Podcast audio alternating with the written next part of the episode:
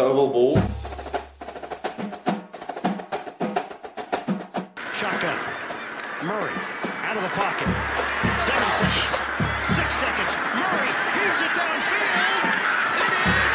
Oh, it's caught. It is caught.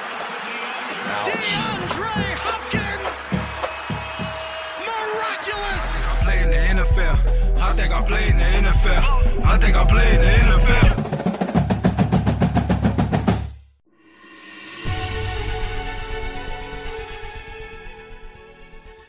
Hjertelig velkommen til Oval ball. Siste gang før sommeren, Stian, Kenneth Hello. meg sjøl. Halla. Godt å se deg like måte. og høre deg. Like måte. Det er godt. Vi har én ting på planen. Siden det er ferie, så har vi eh, en fantastisk gjest. Christian Wessel kom inn og skal dele av sin eh, mengde NFL-kunnskap eh, med oss. Eh, Og det tror jeg blir stas. Så jeg bare lar snappen gå. Vi gleder oss. Fotball til folket. Fotball til folket. Fotball til folket.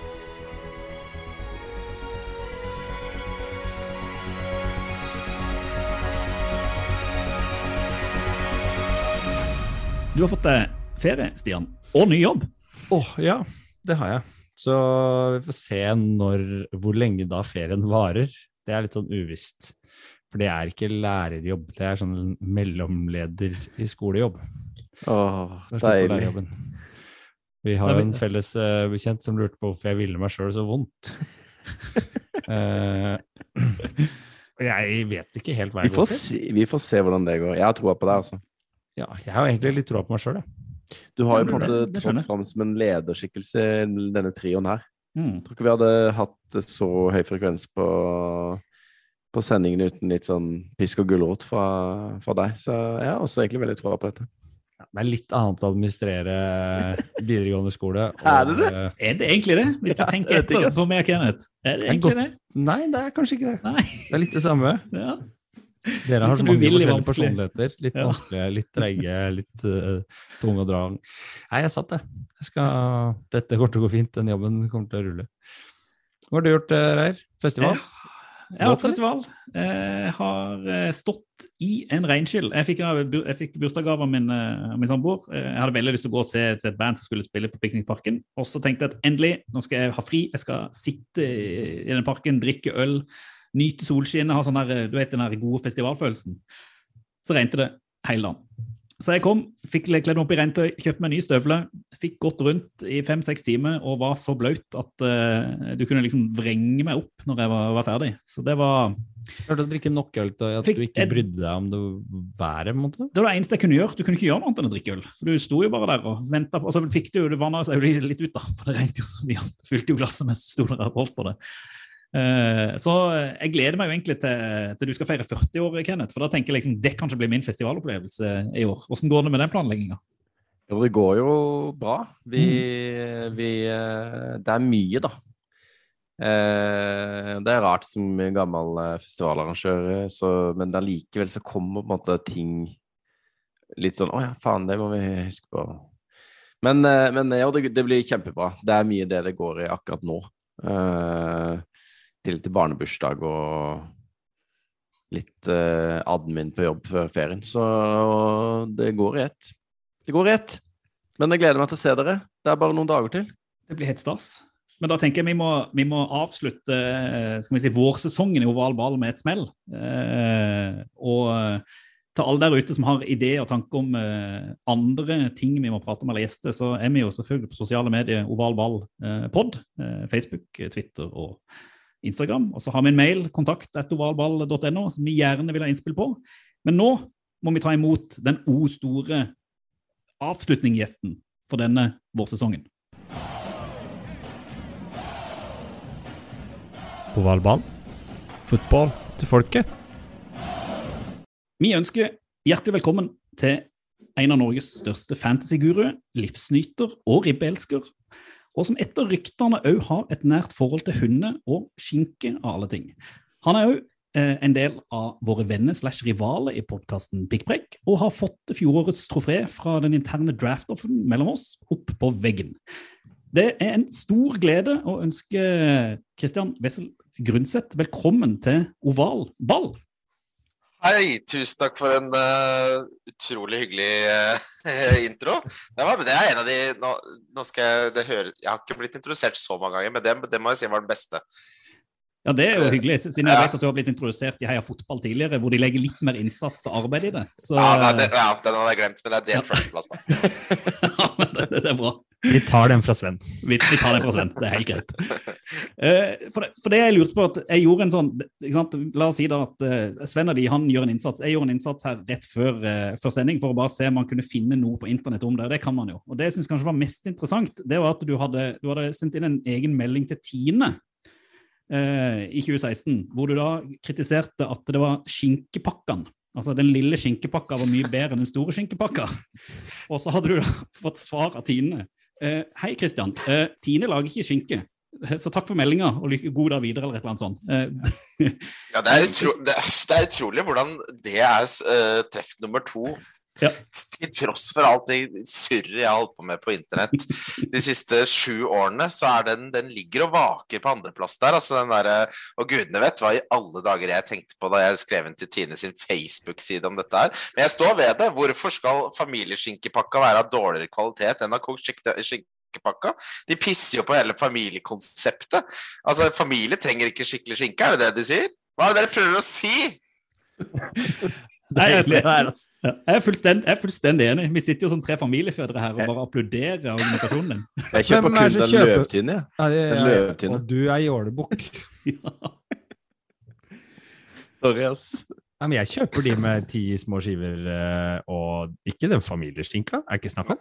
Nei, nei, det er mye dårligere kvalitet. Det er mer fett og ikke fra altså, Det ene er sånn sammenpressa fra mange forskjellige skinkestykker, og den kokte skinka, den gode, er jo fra ett stykke, ikke sant. Dette må man vite. Sånne ting må man kunne. Ja, eh, da kan du like gjerne kjøpe den eh, på best pris på Rema. Den som er på en måte hvit. Mukk.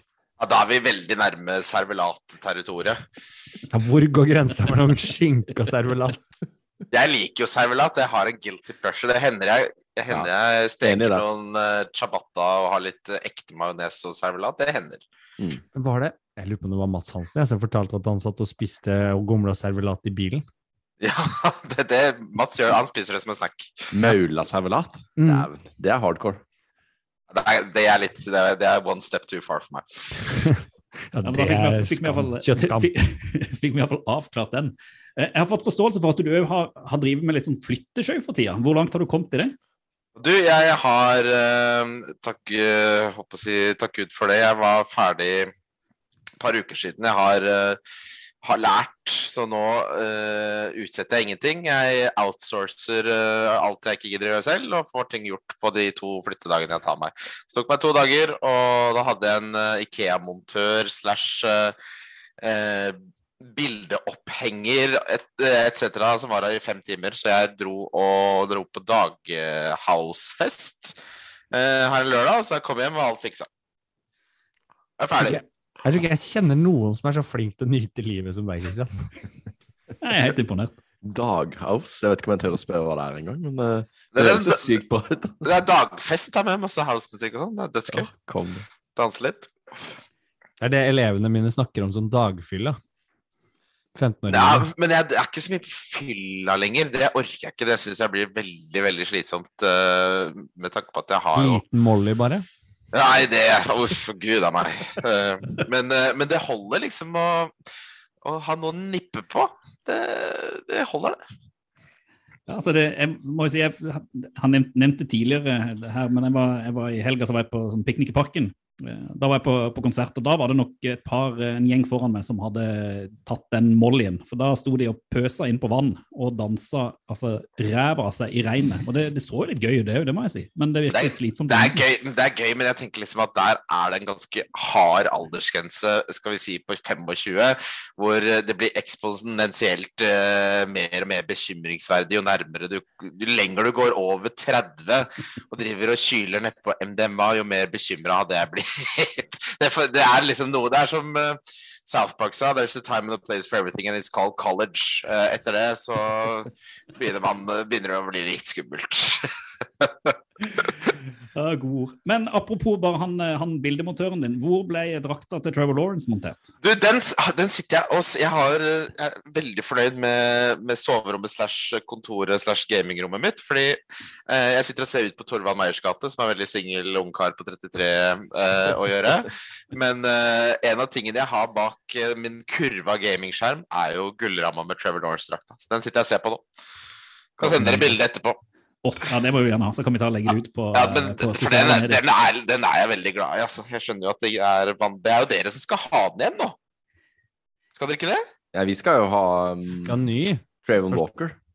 Ja! Det er jo Mm. fantastisk. Den her ser du aldri snurten igjen av, Mattis. Nei. Vi sitter og venter på at Mattis skal, skal skaffe seg en Walker-drakt, så det er bare å prikke han på ryggen og si Men jeg, jeg tror, altså Jeg og Mattis hadde jo livets ferie, vi kan komme tilbake til det, men etter det så tror jeg rett og slett at um, Mattis gikk inn i en eh, ikke en dyp depresjon, men det var heller ikke grunn. Fordi eh, det var så stor kontrast, og vi hadde det jo Altså, det var jo sånn Altså Det er sjelden ting står til forventningene, men her var det liksom Det var guttedrøm og eh, poker og blackjack, og jeg og Mattis bare viste seg at vi hadde helt eh, identisk preferanse på hvordan vi ville konstruere dagene våre der nede. Så vi hadde, det var bare, liksom bare helt friksjonsfritt og gull. Så da han kom hjem, så tror jeg det var tøft, selv om han Så jeg tror han har meldt seg, han har meldt seg helt av alt med amerikansk fotball. Og Mattis som vanligvis er så ivrig på pikkbag. Nå har det bare vært sånn Nei, nå skal jeg ha lang ferie. Så jeg, jeg tror han plukker opp tråden igjen når vi nærmer oss august. Altså, da tror jeg Mattis kommer tilbake med full kraft. Be- Believe me, vi kommer, vi kommer tilbake til den turen dere hadde til, til Vegas. Ja. Eh, men det siste vi bare må prate litt om før vi dykker inn i NFL, det er jo at eh, Stian, du har jo én ting du, Det er egentlig det du ville prate med, med Christian om. Eh, og det er en interesse for en spesiell ting. Ja, det er de som bjeffer. De Ja. gode hundene, Christian. Ja, de gode hundene, ja. Åssen har du fått skaffa deg hund ennå, eller leiligheten? Nei, det har jeg ikke. Så jeg, eh, jeg må komme litt mer på plass på det. Men høsten er målsetningen. Og så lever jeg litt vikariøst gjennom eh, en av mine beste venner som heter Joakim, som fikk seg en eh, nydelig liten krøllegutt som heter Banjo. eh, som jeg må sende dere også bilde av. Han er en sånn der, han er en veldig sånn trendy blanding av puddel og et eller annet. En sånn cobberdog-aktig? Ja, den, men den er ikke så stor som en cobberdog. Den er ett hakk mindre. Så cockapoo tror jeg det er. Cockapoo, ja. Selvfølgelig. Mm. Men hva, hva er greia med at absolutt alle i den uh, vanlige til øvre middelklasse skal ha seg en sånn uh, variant? Altså, det, jeg må jo bare si at jeg kjenner, jeg kjenner tre stykker som har fått seg hund i det siste, eh, og alle har fått seg en cockapoo. Så det, Ja, det, er en, det, er, det er en trendhund akkurat nå. Det er, men Nå skal ikke jeg kritisere en hunderase her, men det er jo litt spesielt at de velger hunderase som andre velger vasemerker. da, ikke sant? Alle fikk kjelevaser for ti år siden, nå er det eh, sånne krøllehunder. Nei, men jeg skal ha en skikkelig hund, så jeg skal ha en uh, labrador. Men uh, jeg lever veldig gjennom han, så det er koselig. Han er veldig ja, bikkje. man, man bikkje- trenger hunden i livet sitt. Det er litt viktig til de som ikke har opplevd eller har det. De, de går glipp av noe. Jeg så jo han eh, godeste eh, Hegseth, Morten Hegseth. Mm. Han hadde jo fått seg en sånn sjokoladelabrador og sa at han var dobbelt så lykkelig hver eneste dag siden han fikk det. Så Ja, han sykla jeg, forbi på vei til jobb. Uh, han bor rett ved, rett ved jobb. Han er ute og spaserer eh, hver morgen med, med den uh, hunden. det er veldig koselig. Han ser veldig glad ut. Han blir det. Nei, det jeg skal ha mer hund i livet veldig snart, så det blir bra. Men det er litt sånn livsstilen min passer ikke helt ennå. Det blir plutselig veldig blir plutselig veldig omlegging fra å ha total frihet, så vi får se hvordan jeg gjør det. Altså Hvis du eksempel, Kenneth, da, som har den store hagen du skryter hele tiden, hvorfor har du ikke en hund som løper eh, fint rundt der? Du har ikke noe frihet uansett, Kenneth. Så. Vi hadde jo, vi hadde jo to Jeg har jo hatt to hunder, men den ene var bare så mye at uh, den klinsja litt med hun toåringen. Så det var, vi må ha litt større barn, altså. Rett og slett. Men det kommer hund her òg. Ja, ja, det er ikke noen tvil om det. Har, har dere sett uh, Det er en uh, Joe, Ikke at jeg ser mye på det, men Joe Rogan har et klipp av Han er veldig hundeelsker. Har en golden retriever, det har han stort sett alltid. Også. men så er det en som sier sånn uh, Ja, hva gjør du hvis det hadde skjedd noe med barna dine og den hunden? Og så bare uten et sekund betenkningstid bare I would kill that dog. I would kill that dog with my bare hands. But that's not the same. Så jeg ser den, når, når det blir clinch, da, Ja. Nei, altså, det ikke så mye de, var, de var rett og slett nesten litt for like. Altså, det var ingen som fikk ro noen gang, så vi måtte rett og slett selge den videre. Men de, det, så vi, vi tok ikke tok den ikke, liksom. Den var jo valgt fremdeles. Men vi bare, måtte bare kaste inn håndkleet og, og skjønne at her var eh, her var vi in over our heads, og så må vi Den bor i en, hos en fin familie i, i Sandnes, så det, det går fint. Men, eh, men det blir hun om noen år igjen, tenker jeg. Jeg vet ikke hvor det knekkpunktet går med, med unger, men vi fikk jo da han yngste begynte på skolen, seks år. Da er han på en måte stor nok til å håndtere valp og, og skjønner sånne enkle kommandoer, da. Både ungen og hvem av dem. så, så da har det fungert egentlig veldig fint. Og nå er det jo helt uh, sjef med, med den uh, huskyen. Strålende. Oh, Husky, ja, de er pratsomme, de. Ja, vi- du må bare liksom holde det i gang, da. Jeg Ja. sykler jo og løper litt med den og går litt lange turer. Og Ja, ja, men jeg, men, jeg mente ikke plagsomme, men, men pratsomme. Altså, de er veldig vokale. Nei, Husker, er det ikke det? nei, veldig Bjeffer ikke nå? Men, ja, de, men de som lager sånn, de som skriker er som uler, liksom? Ja, ja, ja, det er, har dere ikke TikTok? Jeg ser, jeg, jeg, ser jo, jeg ser jo ikke annet enn disse huskyene som Du, prater det er med den andre Det er sånn uh, sibirsk husky. Å, ja, for det, ja, for de er pratsomme. Ja, jeg har sånn Alaska husky. Ah. Det regnes ikke som Det er sånn billig, billig husky. Ja, det høres jo mye bedre ut, altså. Ja, Det er det, er veldig stille og rolig og fin. Ja, deilig. Jeg tror vi egentlig allerede kan, allerede kan stadfeste at vi har en litt sånn en ulik kulturell bakgrunn. akkurat her. Her sitter vi tre familiefedre, noen er småbarnsforeldre, noen med litt eldre barn, eh, som kanskje ikke har helt fått inntrykk i hva som skjer ute i verden. Og så, vi, vi må bare beklage på forhånd Christian, at hvis det kommer noen TikTok-referanser og andre referanser vi ikke tar, så er det pga. at vi rett og slett bare er litt gamle og grå. Men vi skal, Ja. vi skal, vi skal prøve så godt vi kan. Det blir første og siste TikTok-referansen fra meg, så det, så det går bra. Det må, det må bare komme. Eh, Men for, for å prate litt, litt om NFL, som tross alt er det vi prøver å prate om når vi er her i podden. Eh, For å gå litt sånn tilbake eh, Altså, hvor kommer Det er et spørsmål vi prøver å stille alle våre gjester. Altså, hvor kommer interessen fra? Og hvor, altså, når var det han starta for amerikansk fotball og NFL hos deg? Eh, det starta Altså, jeg har hatt eh, Jeg har vært veldig USA-elsker eh, siden jeg var eh, så lenge jeg kan huske, egentlig. Alt med USA. Alt av mat og drikke og sport og egentlig byene og New York Altså alt sånn, ikke sant. Og så uh, fins det noe mer amerikansk enn amerikansk fotball, egentlig. ikke sant? Eh, og da gikk jeg vel i andre gym på videregående så pleide jeg å dra til min kompis uh, Wilhelm Klem, som hadde bodd litt i USA, og som hadde eh, en far som var veldig interessert, som lot oss da sitte oppe hele natta og se på NFL nede i kjelleren der. Eh, og da kjøpte jeg meg Madden 2005. Um, som er det med Ray Lewis på coveret, hvis ikke jeg husker feil. Jo, det stemmer. Den uh, Ray Lewis i sin prime. Og da fikk jeg dilla på, på Baltimore Ravens, og egentlig litt Jeg likte litt det der at um, det var noe jeg lærte meg som jeg, ikke så mange andre kunne så mye om, og så var det jo så utrolig mye å eh, dypdykke i. Og så er jeg jo veldig glad i å lese, så jeg begynte å lese eh, Monday Morning Quarterback fra Peter King, og oppdaget liksom mange av de der de legendariske eh, amerikanske fotballjournalistene. Så Peter King har jeg jo lest nå i snart 20 år, ikke sant. Så, så det var liksom hele, hele økosystemet rundt det. Det var å se kampene og få lov til å være sent oppe, og så spilte jeg uhorvelig mengde med Madden. Eh, jeg tror nok jeg var den nord nordmannen som spilte Madden 2005 mest i hele Norge. Uh, og så har det bare fortsatt. Jeg hadde en liten, liksom, det har vært perioder hvor jeg ikke har vært så interessert, og så fikk jeg veldig, veldig interessen igjen for sånn fire-fem år siden. Jeg husker jeg hørte mye på jeg hørte på fantasy-podcaster selv om jeg ikke spilte, fordi noen av de er så utrolig bra ikke sant, de som er i USA. Mm. Og så snakket de om så mye som jeg ikke kunne, altså Dynasty og Bestball og sånne begrep som jeg ikke hadde hørt om før. og da Eh, da ble jeg sånn Ok, det har jeg lyst til å bli den beste i Norge på. Eh, så da begynte jeg med det. Så det, en, det begynner å ha vært en interesse som har vart store deler av livet mitt, egentlig. For du var ikke med altså du var ikke med da Pikkpreik starta opp heller? Nei. Åssen var eh, kom du deg med der? Um, det var vel egentlig at eh, jeg og Odin og Mattis, som er oss tre som har den pikkverk nå, tenkte veldig likt og merka at vi var like, like engasjert og likte liksom det med analytiske, litt sånn nerdete tilnærmingen til det på Twitter. Så vi hadde mange fine diskusjoner, og så var jeg gjest, og vi litt, var litt ute og spiste sammen og fant ut at vi hadde veldig god kjemi. Og så er jo Mattis Odin prima mennesker. Så da spurte de, og da takket jeg ja. Det var, det var ikke noe vanskelig å bli med på det.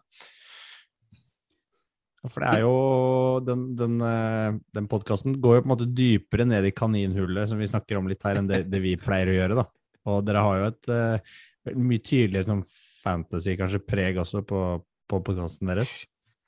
Ja, eh, jeg tror det blir litt annerledes kanskje denne sesongen, for det var jo litt med eh, ja, jo, kanskje. Men vi altså, det, mye altså, Skillelinjene mellom fantasy og, og sporten skilles jo mer og mer ut, fordi de går jo de, altså de som er gode i fantasy nå, jo, blir gjerne ansatt nærmest uh, hvis de er gode nok i Analytics. Altså de premissleverandørene eller dataleverandørene som lager de modellene som vi som som liker den tilnærmingen, leser, da. Ta reception perception, f.eks., uten å få gå dypt ned i materien, men som måler hvor eh, stor suksessrate f.eks. en wide receiver har på visse routes. og det er jo sånn som De blir plukka på NFL-lag, så de skillelinjene blir viska ut mer og mer. Så det er egentlig bare statistikknerding, alt sammen. Du liker jo fantasy litt, Kenneth. Så du eh... Ja, altså, jeg fikk jo Jeg syns jo på en måte NFL-fantasien er jo mye gøyere enn eh, FBL, da, hvis ikke det er å banne kirka. Fordi du får den derre Det er den der spillet mot uh, hverandre, og at det ikke er så mange i ligaen, og hele den derre jeg vet ikke. Den, den, den veldig appellerende tilnærmingen da, til Også den draftinga det er jo helt insane gøy. Det er det, det, er det gøyeste, egentlig. Men altså, amerikansk fotballfantasy er fem hakk bedre enn all annen form for fantasy. Vi, vi, trenger litt hjelp av deg, Christian, fordi eh, Kenneth og jeg syns det er gøy. Vi liker draftinga. Vi, vi, beveger oss også litt sånn over i statistikker. Men så har vi han uh, Skal vi kalle han sjefsmandalitten, da, som, uh, som, har bare bestemt seg for sånn barnslig å mislike det, eller ikke ja. forholde seg til det. Så hva, hva, kan vi, hva, kan du på en måte si til han for å kanskje overbevise han om at fantasy er gøy å drive med? da? Er, vet du hva man gjør? Man uh, får han med på én live draft med en bra gjeng. Det holder. Så jeg trenger ikke mer enn det. Stille opp på én, så hvis ikke du liker det da, så skal jeg tro på deg. Det er noe med For da er det litt sånn litt sånn skummelt. Og er du forberedt godt nok, så kommer du helt sikkert med noen utskrevne rankings uh, fra dagen før. Og, uh, og, så begynner du å kjenne åh, nå, nå falt akkurat den spilleren jeg ville ha til meg i sjette, og du begynner å bli litt gira på laget ditt, og så uh, så får du jo se, da. Men de fleste som er interessert i amerikansk fotball, liker jo også fantasy, da, så trenger du jo ikke være med i mer enn én. Holder det. Jeg tror jeg i 70, liksom. Så det er et problem. ja, for det, det, det, kanskje Hvis jeg sammenligner meg med det, så har jeg plutselig ikke tid til, til, til så mye annet enn å bare, bare drive fantasy. Jeg, jeg, ser poenget. Eh, men, men allikevel så, jeg lurer, for du, du, jobb, du, jobber jo mye med en annen podkast, Wildcard, hvor du òg driver med fantasy, men da i Premier League. Eh, og hvordan, altså, Har du merka noe endring i Norge rundt NFL Fantasy de siste fem årene versus uh, Premier League Fantasy? For det, altså, det virker som at Premier League nå nesten er mer fantasy enn det nesten er fotball. Eh, og sånn Eller jeg vet ikke, er det sånn i miljøet for NFL òg, eller hva, hva, tenker du rundt det? Ja, men eh, altså fantasy-bransjen eh, i USA er jo Altså, det er jo så viktig for uh, vet hvor mange av de som følger det, er det som spiller fantasy? Og så driver de jo litt sånn derre Jeg kan ganske mye kan mye mer om uh, obskure spillere enn jeg hadde gjort hvis ikke, da. Så det ble liksom litt uh, for å utvide litt horisonten for hva man er interessert i òg. Uh, en ting er jo liksom å, å ta Russell Jefferson eller wide receivers og skill players, men jeg har, er med i mange ligaer hvor det bare er forsvarsspillere, f.eks. For uh, så det er, ikke, det er ikke bare liksom de store placene å sitte og håpe på at noen scorer en touchdown. Det er uh, å sitte og håpe på en assisted tackle jeg, på natt til mandag. Vi var med på en forsvarsliga i fjor, var ikke det, Stian? Vi var jo med i en Altså, Eh, vi ble jo trukket inn i noen eh, ligaer i eh, fjor. Ja, spesielt Sander Daleng dro oss jo med en del, da. Og vi, eh, vi var jo ikke Vi var ikke de beste, men vi gjorde oss ikke bort. Det var én liga der hvor vi gjorde det helt greit, føler jeg. Og så har vi jo allerede drafta en gang nå, har vi ikke det? Jo, en Dynasty-liga som vi er med i. Ja. Og Der fikk vi for så vidt kritikk, da, fordi vi hadde Vi trada. De mente det var dårlig At ikke vi gjorde en god deal der, men eh, ja, vi kjører vår, vårt eget eh, løp. ja, vår felles uh, bekjent uh, Christian har Hedli. Oi, Han, eh, hvis han kritiserer, da Nei, nei, han Nei. kritiserte ikke. Nei, for han, han var det jo var trada trade-partner. med. Ok. Han han, er, han, er, han er en veldig eh, snill eh, og raus mann. Ja, det er, det er vårt inntrykk. Så da Ja. vi trada med han, så følte vi oss på en måte ikke lurt. For vi trada bort uh, DeAndre Hopkins. Hva fikk dere? Eh, var det, Husker du det, Kenneth? Nei, jeg husker ikke. Andre runde? Ja, Det er, rundevalg. Tredje runde, kanskje? Ja, det var jo Vi var jo kanskje litt hete på grøten, men vi må ha ting gjort. Vi er, har jo liksom ikke så mye tid til å, til å gå rundt grøten. Og vi trengte draft picks. ja, nei, men altså Jeg er jo commissioner i veldig mange sånne Dynasty-ligaer, og jeg, alt som alt av aktivitet er bra. Uh, så de som kritiserer det, det er liksom Alle vil ha mest mulig aktivitet. Det er som å vanne blomstene. Det er, hvis ikke så visner hele ligaen. Ja, det er bra det at folk Det er var en bra analogi. Ja. Jeg likte det. Jeg skal, jeg skal ta det opp på den. Én livebrett skal, jeg ta- skal jeg være med på, så får vi se da om, eh, om det bygger interesse, eller om jeg bare faller fra. Så kan vi heller prate- elske deg det, Reier. Du er altfor uh, Du er lett å lede, du. Ja, jeg, litt, jeg havner i kaninhullet som oftest. Ja. Så eh, det, handler, det er vel bare et spørsmål om tid. Men det, det mitt liksom, neste punktet det var egentlig at jeg hadde bare lyst til at du skulle få lov å fortelle masse historier fra da jeg var i Vegas. Christian. Eh, For jeg vet ikke helt hva jeg skal spørre om. Du nevnte det litt i stad, men dere dro jo det og Mattis dro jo til Vegas for å få med deg draften i år. Og bare altså, ta oss igjennom litt sånn fra, fra Oslo til der var det, til dere dro hjem. Altså, hvordan var det? Hva skjedde? Hva var greia? Nei, eh, eh, jeg skal gi en eh, Jeg har fortalt den historien noen ganger, så jeg håper den ikke blir for eh, omstendelig. Eh, lang reise, vi er gira, vet ikke helt hva vi kan forvente. Eller det er, ikke helt korrekt. Jeg visste ikke hva jeg kunne forvente, for Mattis har vært i Las Vegas 20 ganger, tror jeg. Eh, så han er jo en Las Vegas-veteran. Så når vi kommer fram, 26 timer reise var det, så da var vi greit slitne, så første vi gjør, er å legge en 50-dollarseddel inn i passet når vi skal sjekke inn på MGM Grand eh, for å prøve å bli oppgradert til en suite. Eh, det, det, det har man ikke gjort på mange år, fordi da lo hun, og så sa hun ehm, dette må jeg vise til Og så viste hun det helt åpenbart til de som sjekker kameraene, ikke sant? for hver eneste millimeter er jo kamera. Og så sa hun eh, men tu, eh, tusen takk, og jeg skal nok få oppgradert eh, dere til en suite med Strip View ganske billig. Så det var det første vi gjorde. 20 dollar ekstra for natta, så, så fikk vi da en suite, jeg og Mattis, som så ut på The Strip. Um, og så er jo Vi er jo glad i å spille kort, både jeg og Mattis, uh, så eh, vi planla liksom litt Vi hadde, vi hadde lagd en itinerary med steder vi ville spise, og ting vi ville oppleve, og så var jo mye eh, på en måte knyttet um, opp mot draften, selvfølgelig, og så lagde vi jo en del greier for Kilroy, det reiseselskapet, i forbindelse med draften, så vi, vi var jo litt sånn Uh, Litt Følte, ja, vi følte litt at vi lekte at vi jobba med NFL, da. Så det var jo uh, Og jeg syns jo draften er utrolig gøy uansett, så jeg hadde jo fulgt masse med. Men så um, Det første vi gjorde, var å få oss noe buttermilk pancakes den dagen dag nummer én. Det var jo liksom 40 grader og utrolig mye å se, se på i Las Vegas uh, uansett hva man gjorde. Men så Høydepunktet var jo altså på draft-dagen var vel en av de mest eh, mer perfekte dagene. Fordi vi, vi går da til det store området som draften skulle avholdes på, til første runde. Det er stappfullt, og alle er i dødsgodt humør. Og man ser liksom Der er Darren Waller. Eh, der kan du kjøpe signerte eh, hjelmer til 10 000 kroner. Eh, og du følte liksom den derre fan-experiencen. Altså man liksom, når man ser på NFL, alt det showet og alt det du, jeg, Vi følte at vi var liksom hovedrollene i en sånn eh, opplevelse. Og så første runde av draften var jo det, Vi sto jo liksom og se, så, hørte piksene. Det var helt, helt utrolig. Ja, eh, og, fikk, og ble venn med Fikk 50 nye venner, og jeg gikk jo i min Jaguars-drakt med Josh Allen. Så hver gang jeg så en Jaguars-fan, så var vi jo bestevenner. Det var helt Ja. utrolig. Konge. Uh, var trist for Mattis, fordi det var ingen Texas-fans der ute. Han. Ikke, vi tror vi møtte én hele dagen.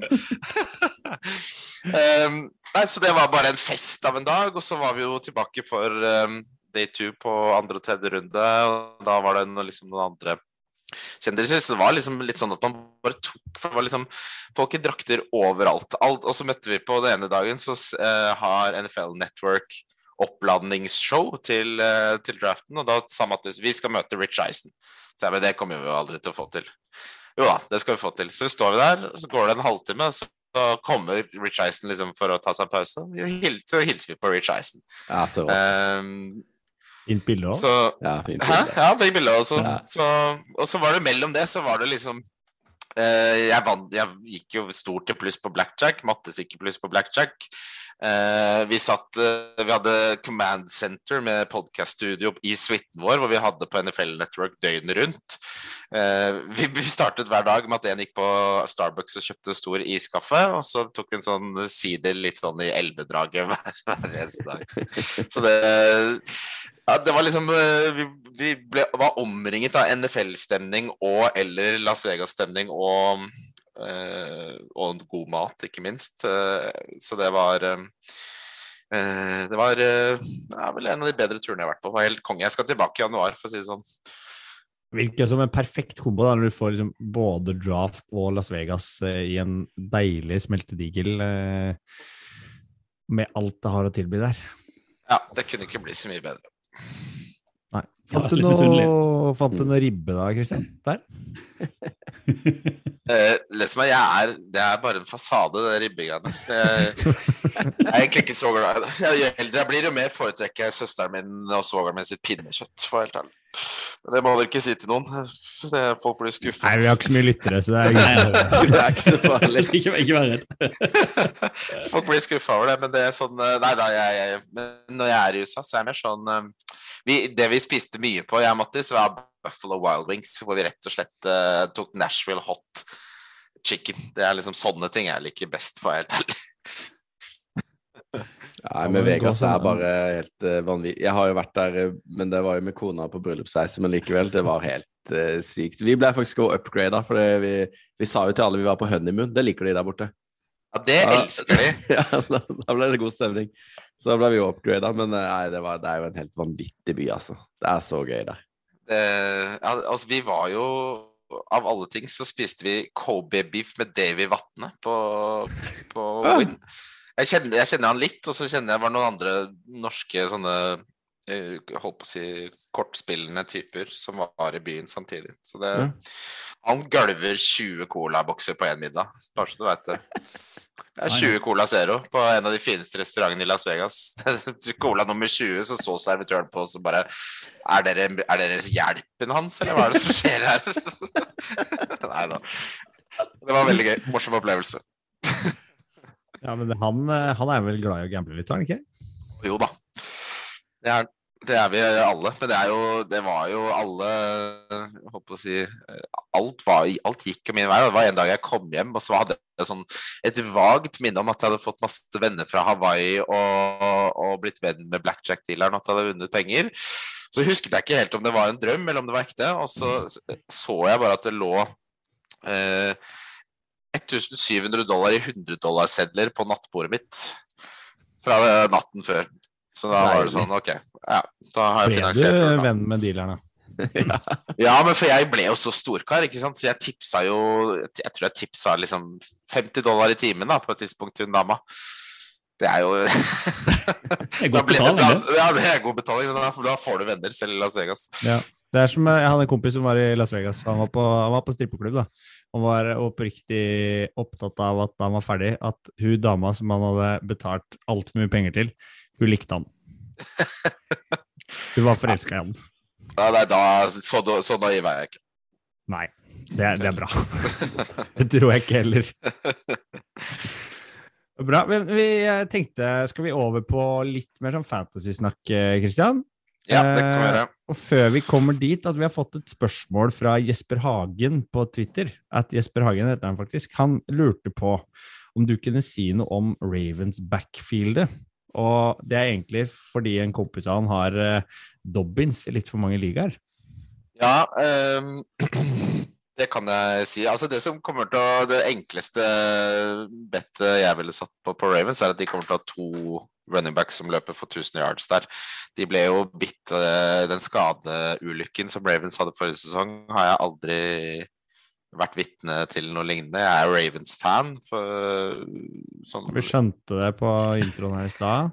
Egentlig, ja. Uh, jeg, nå er jeg litt sånn Jeg, jeg, vil, jeg, vil, både Chargers og Ravens akkurat denne sesongen, men uh, jeg, har, jeg, tror ikke jeg hadde vært så bekymra hvis jeg hadde Dobbins. Det er klart, hvis du brukte uh, tidlig runde pick i Dynasty og sånn, så er det ikke ideelt. Fordi det er jo en såkalt ambiguous backfield uh, vi snakker om her. Men han er jo den beste, og så er Gus Edwards på en måte en god nummer to, men de kommer nok til å splitte 60-40 på, på carries. Men så er jo ikke Gus Edwards noe særlig til å ta imot ballen. Da. Så de kommer til å løpe mest i NFL, eh, Ravens, tror jeg, hvis du tar, tar på antall carries. Så da, da, må du ha mange. Du kommer til å måtte bruke alle tre, ja, fire kan du kalle det også. Eh, men det er jo klart ja. Når du har Lamar, så blir det Altså, han hadde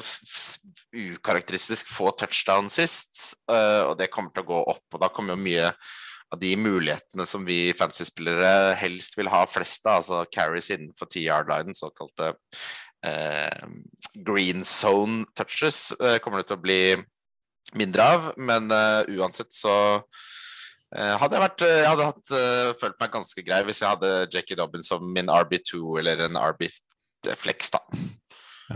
Nettopp. Men det er, jo, de er jo, på en måte avhengig også at uh, Du nevnte jo Lamar Jackson. Men de er avhengig av at han skal holde seg skadefri også, for han er jo Skal vi si Han var jo litt av årsaken til at det ikke gikk helt rått i fjor, da, når ikke de har den X-faktoren som han bidrar med.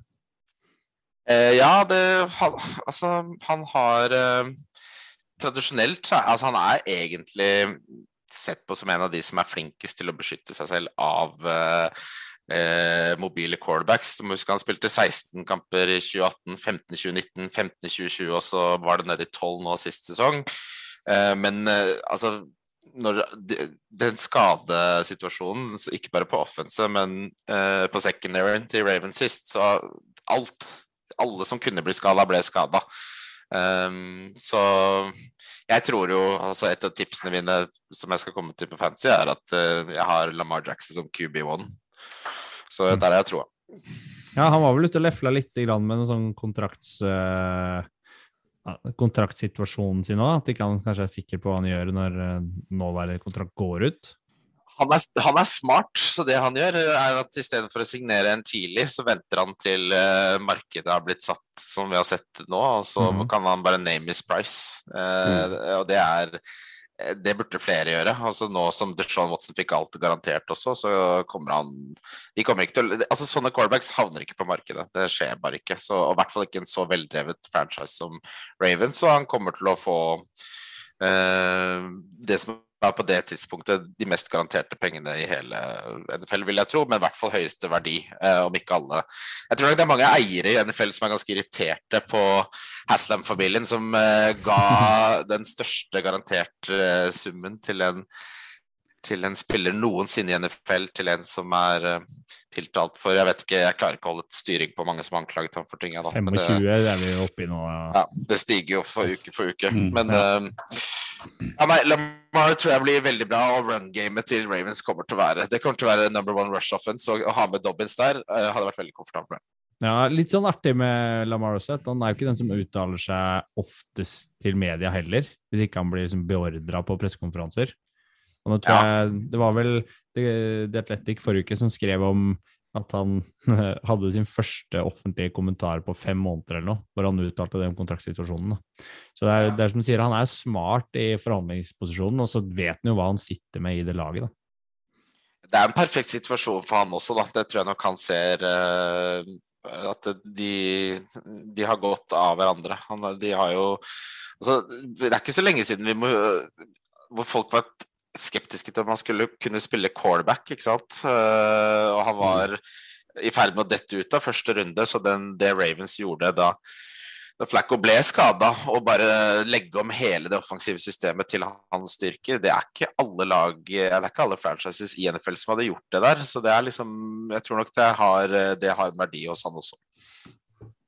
Jeg tenker jo det at det, de, de har jo på en måte endra alt for han. Uh, og det skal jo litt til om altså Skulle de gjort det igjen for en ny? Og jeg ser ikke liksom helt hvem som kommer i pipeline på draft-sida som skulle på en måte være noe mer å satse på en del av Lamar er, da. Uh, og selv om det kommer til å koste penger, ikke sant. De, de, sånne quarterbacks havner ikke på markedet. Nei, ikke. Eh, det har jo endra seg litt, det, da, men ikke når de er så unge. og Det er ingen grunn til at de egentlig Altså, hvorfor skulle de altså, det, jeg, jeg, klarer ikke å se en fornuftig et fornuftig resonnement eller argument for hvorfor man skulle liksom la en sånn gå. Det er jo sånn man ser på altså selv Derek Carr uh, blir belønna. Ja, og nå snakker jeg ikke dritt om Derek Carr, han har blitt en mye bedre quarterback, men Raiders ser jo ok, han, han er ikke Han er kanskje Jeg leste på, jeg hørte på uh, Around the NFL, som er kanskje den beste amerikansk fotball-podkasten uh, der ute, og de hadde jo da en som het Chris Westling, som gikk bort av kreft, men som hadde en sånn at um, eller han hadde en hypotese, da, at Andy Dalton var uh, the prime meridian, altså den mm. mest uh, middelmådige, eller akkurat perfekte averagen. Og um, så landet de vel på at det var Matt Ryan nå, men at Derek Carr hadde vært det de siste tre sesongene, men nå hadde tatt steget. Men selv han, de, han får jo også en kontrakt, for de, altså, de, kan vinne med han. Og det er litt mm. sånn, kan man vinne med mm. han eller ikke? Og Lamar er i en tier over Derek Carr, så ja. hmm. Og nå hadde de vel lista ut De la vel ut de, et igjen nå, la ut en liste på, på eh, Instagram, vel, på hvilke spillere som er i, er liksom i contention til å være prime meridian candidates nå, da. Ja, for det var det den forrige episoden var om. Ja, det var, det var Køssen som vant, tror jeg. Var det Køssen som vant, ja? Okay. Ja, som vant avstemningen blant eh, folket. Så var det Tannehill på andre og Uh, Ryan kom sist, tror jeg. Det ble dårlig stemning. Eller Murray var vel høyere oppe også enn ja. ja. Men uh, Ryan var jo en, et av de forslagene, ja. Men, uh, men Dalton, Dalton Scale, den er jo faktisk ganske sånn Vil si at det er nesten sånn objektivt sett bevist, vil jeg si. Eller den, den. Vitenskap. Ja, vitenskap. Ja. ja, det er morsomt. Men det Ja, nei, det er, det er veldig morsomt å for Andy Dalton er noe med det når du har litt røde hår at du aldri lykkes i playoffs og sånn. Det, liksom, sånn, det, er så lett å si sånn uh, at han er akkurat det, da. Det er mm. liksom, ja. Topp tre. Tre topp. Pott tre. Opp tre. Topp tre. Ovalvals. Topp tre. I og med at vi har Christian Wessel Grundseth på besøk, og han er av alle jeg følger på Twitter og hører på podkaster, så regner jeg han som Norges fantasykonge. Derfor tenkte jeg Christian, at det var på sin plass at du til folket der ute eh, kan komme med dine liksom, topp tre-tips nå i eh, vår faste topp tre-spalte, hvor du får frem eh, forhåpentligvis hva som er verdt å følge med på nå, og som gjør at, uh, gjør at folket kan bruke sommeren på fantasy. Det, det, var jo en uh, voldsom oppgave. Måtte produsere det på. uh, så det blir liksom mikro- eller makronivå man skal ta det på. Men uh, jeg har jo gjort en del best balls, altså hvor du ikke må sette laget, du bare drafter, og så velger de den som har høyest poeng for deg, som er anbefales for de som ikke vil bruke så mye tid på det. Og der har jeg jo sett noen um, Jeg har sett noen trender da, til spillere som, er, som jeg syns er overvurdert eller, under, eller overdrafta eller underdrafta. Jeg kan begynne med det som er veldig gøy, syns jeg, å finne de der gratisspillerne på slutten som ingen tenker på. Og da vil jeg trekke fram um, 49ers running back Tyrion Davis Price, som kommer til å kom, han kan vinne deg ligaen. Uh, du får han gratis i siste runde i nesten alle drafts. Um, han har draft capital som ikke er så høy, som vi egentlig ikke helt liker, men vi så jo det med 49ers at um, det har ikke så mye å si. Trey Sermon ble jo kasta på skraphaugen etter én uke i training camp. Uh, Tyrion Davis Price har får veldig positiv omtale. Han er jo en beefcake av dimensjoner. Eh, med Så han er liksom 220 pounds, six foot powerback. Eh, men han er også veldig kjapp. Og hvis han da får RB1-rollen Elijah Mitchell hadde den nå, ja. Men hvis han får den i et 49ers eh, offense som er det mest running back-vennlige i hele NFL, så har du en league winner til gratis eh, pris. Så det, han har jeg tatt i absolutt alle ligaer jeg har draftet i. Um, for han tenker kanskje han er en angrep på. Han er jo flink til å mikse det opp med de løpespillerne sine òg. Så han, det, er, det, er, et bra tips, altså. Han, han blir det gøy å følge med på. Og så uh, Dette her er litt sånn sparke åpne dører, men det er ikke vits å drafte en quarterback tidlig. Jeg, nå sa jeg nettopp at Lamar Jackson kommer til å være en QB1 denne sesongen, eller at jeg tror det. Men jeg kommer aldri til å bruke noe tidligere enn et ja, tienderundepick på en callback, fordi forskjellen Altså, og, som man snakker om i, holdt på å si, i bedriftsøkonomi, da, opportunity-kosten, den du kunne tatt istedenfor en Josh Allen i runde fire, er så stor, fordi forskjellen på den spilleren Altså, Forskjellen på den, den, quarterbacken du tar der, og en du får sju runder senere, da, er typisk to poeng per kamp, med mindre du ser på liksom han som er QB1, som er veldig vanskelig å forutse. Så kostnaden ved å ta en quarterback så tidlig er så høy, for da er det kanskje en um, ja, fjerde runde. Skal se hvem jeg tok i fjerde runde, da. Kanskje du istedenfor AJ Brown, da, så tar du um, Så tar du Josh Allen. Mm. Uh, det kommer du til å tape på. Uh, du finner value altså, En av de jeg liker å ta av cornerbacksene sånn runde 15 ikke sant, uh, av de siste. Ta Derek Carr, da. Devante Adams, Hunter Renfro, Darren Waller. Han kommer til å kaste for 5000 yards Sånn under Josh McDaniels. Da taper du kanskje to poeng per kamp, og så har du ikke brukt noe kapital på en quarterback, og så kunne du heller ta AJ Brown i fjerde runde. Um, så det, den, det er frist, Du ser alltid det med folk som er nye i fantasy, at de blir frista av en callback. Det taper de på. Det her med den strategien her, Kenneth, den har ikke du tenkt ut? Nei, jeg lytter jo og noterer nå, da. Ja, jeg ser jo det. Sitter og nikker og koser meg. Det er helt magisk, det her. Uh, ja, altså, det virker litt gøy, dette. Helvete heller.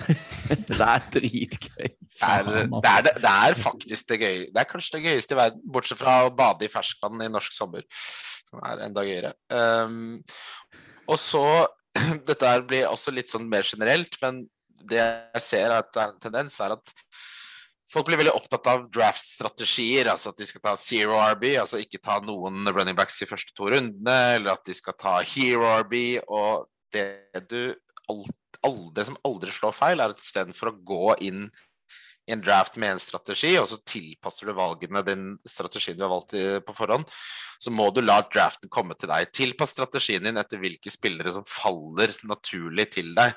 For hvis du har et sett med strategi som du har tenkt å gjøre, så går du glipp av verdi. fordi eh, da gjør du ting i feil rekkefølge, da. Så jeg ser folk som er sånn Ok, nå har de lest en eller annen Twitter-tråd om at nå skal de gjøre det sånn og sånn. Og så går de glipp av de åpenbare valgene, fordi de skal tvinge seg til den der de har bestemt seg for å gjøre. Så la, la let the draftboard come to you, som man sier. Husker på når vi skal lære drafte. Det var jo tung, litt tungt for oss, Stian. Vi har jo ofte liksom sett oss ut en eller annen figur vi har lyst på, og så bare faen. Og så sitter vi der, da. Nei, det er fordi vi må noen ganger ha på autopic, da. Fordi vi ikke rekker å gå inn. Det er noen unge som våkner eller et eller annet. Ja, det er alltid noe ja. Ja, men så er det jo også sånn at draften er 40% av en sesong. da. Resten er alt du gjør etterpå. Det er det beste jeg har hørt. Dette er gøy. Å, oh, det der, det er fett. Oval ball anbefaler. Som vanlig så har vi noe å anbefale. Selv i offseason så finner vi noe greier å oppleve. Eh, og denne gangen, Reier, så er det du som eh, Ja, du var veldig euforisk på Ja, altså, chatten når du oppdaga dette. Det er jo sjelden at det er vi som uh, henter fram gullet her i podkasten. men jeg har en, jeg har en samboer da, som har kjøpt seg tilgang på Disney pluss. Har Samboeren din anbefalinga? Samboeren min anbefaling. Meg, ja, det, det, meg du anbefaler, men det får være en annen pod. Noe sånn Frode Frode Tue-pod eller et eller annet. Eh, men hun hadde da kommet over noe hvor hun hadde du, du, Jeg tror jeg finner et eller annet sånn greie med, med amerikansk fotball. Jeg, og så ble jeg jo litt sånn, ja, mm, sikkert. Og så peker hun da på noe som heter eh, The Man in the Arena. Så er det bilde av Tom Brady der, da. Så tenker jeg hm, dette må jeg da sjekke ut. Og så viser det seg da at dette her, og dette burde jeg sikkert visst, men dette er jo da en dokumentarserie som Tom Brady står som produsent for. Hvor det er da ti episoder på nesten en time hver, hvor hver episode tar for seg hver sesong Tom Brady har kommet seg til Superbowl. Oi. Det er Helt, helt fantastisk. Så det går igjennom, da, liksom, Første episode er jo fra når han kommer fra Michigan og blir drafta til Patriots, og hvordan han har kjempet mot Drew Bledsoe og kommer inn når han blir skada og liksom tar plassen og, og den kampen. Og så er det alltid sånn at uh, de har med to, eh, to aktører eh, i hver episode som blir intervjua. Altså Drew Bledsoe er jo med og blir intervjua sjøl i den episoden. Eh, og Tom Brady er med i hver episode. Så er det andre episode hvor da eh, kona er med, og søstrene er med. og altså Det er jo helt fenomenalt. Selvfølgelig, altså Det er jo lagt opp sånn at Tom Brady kommer godt ut, så Deflategate er litt sånn som bare Nei, det, det, var, det brydde vi oss ikke om. og, eh, og Der syns jeg han kommer litt dårlig ut. og den der for de Spygate eh, de hadde òg, vet du. Da er det bare sånn Nei, det var, vi brydde oss ikke om Ja, det i det hele tatt. Altså, og det kan man jo stille noen spørsmål ved. Men altså, er du glad i amerikansk fotball, og spesielt vi som ikke er sånn superkunnskapsrik? Altså, det, jeg elsker det å sitte og se der. Få liksom hele historien og Helt, helt nydelig. Har du sett det, Christian? Nei, det høres uh, veldig bra ut, det, altså. Jeg Det her sitter, blir jo Sommerlyktyre sommerlektyre. Jeg sitter og ser på gamle Hard Knock-sesonger, jeg nå. Det er ikke feil. Det har jeg gjort uh, til stadighet. Ja, jeg, jeg tok meg selv i å bare åh, nå gleder jeg meg til Hard Knocks begynner igjen. Bare, men jeg har jo ikke sett alle. Så bare, hvorfor ser jeg ikke bare det? Det har jeg gjort. Uh, liker det. Bra anbefaling.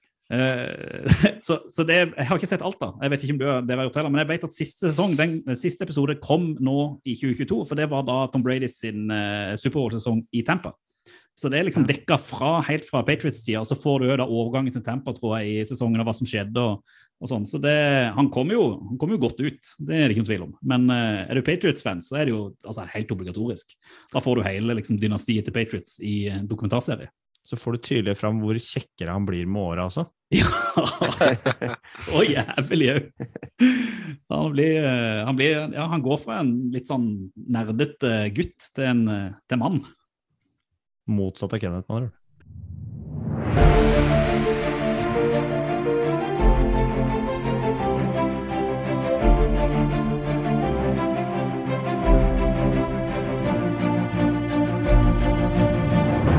Ukas dypdykk skal vi inn og gjøre sånn som vi gjorde omtrent på samme årstid i fjor. Da hadde vi kollegaen din i Pikkpreik på besøk, Kristian. Da var Mattis her og hjalp oss egentlig med å gå gjennom de ulike divisjonene.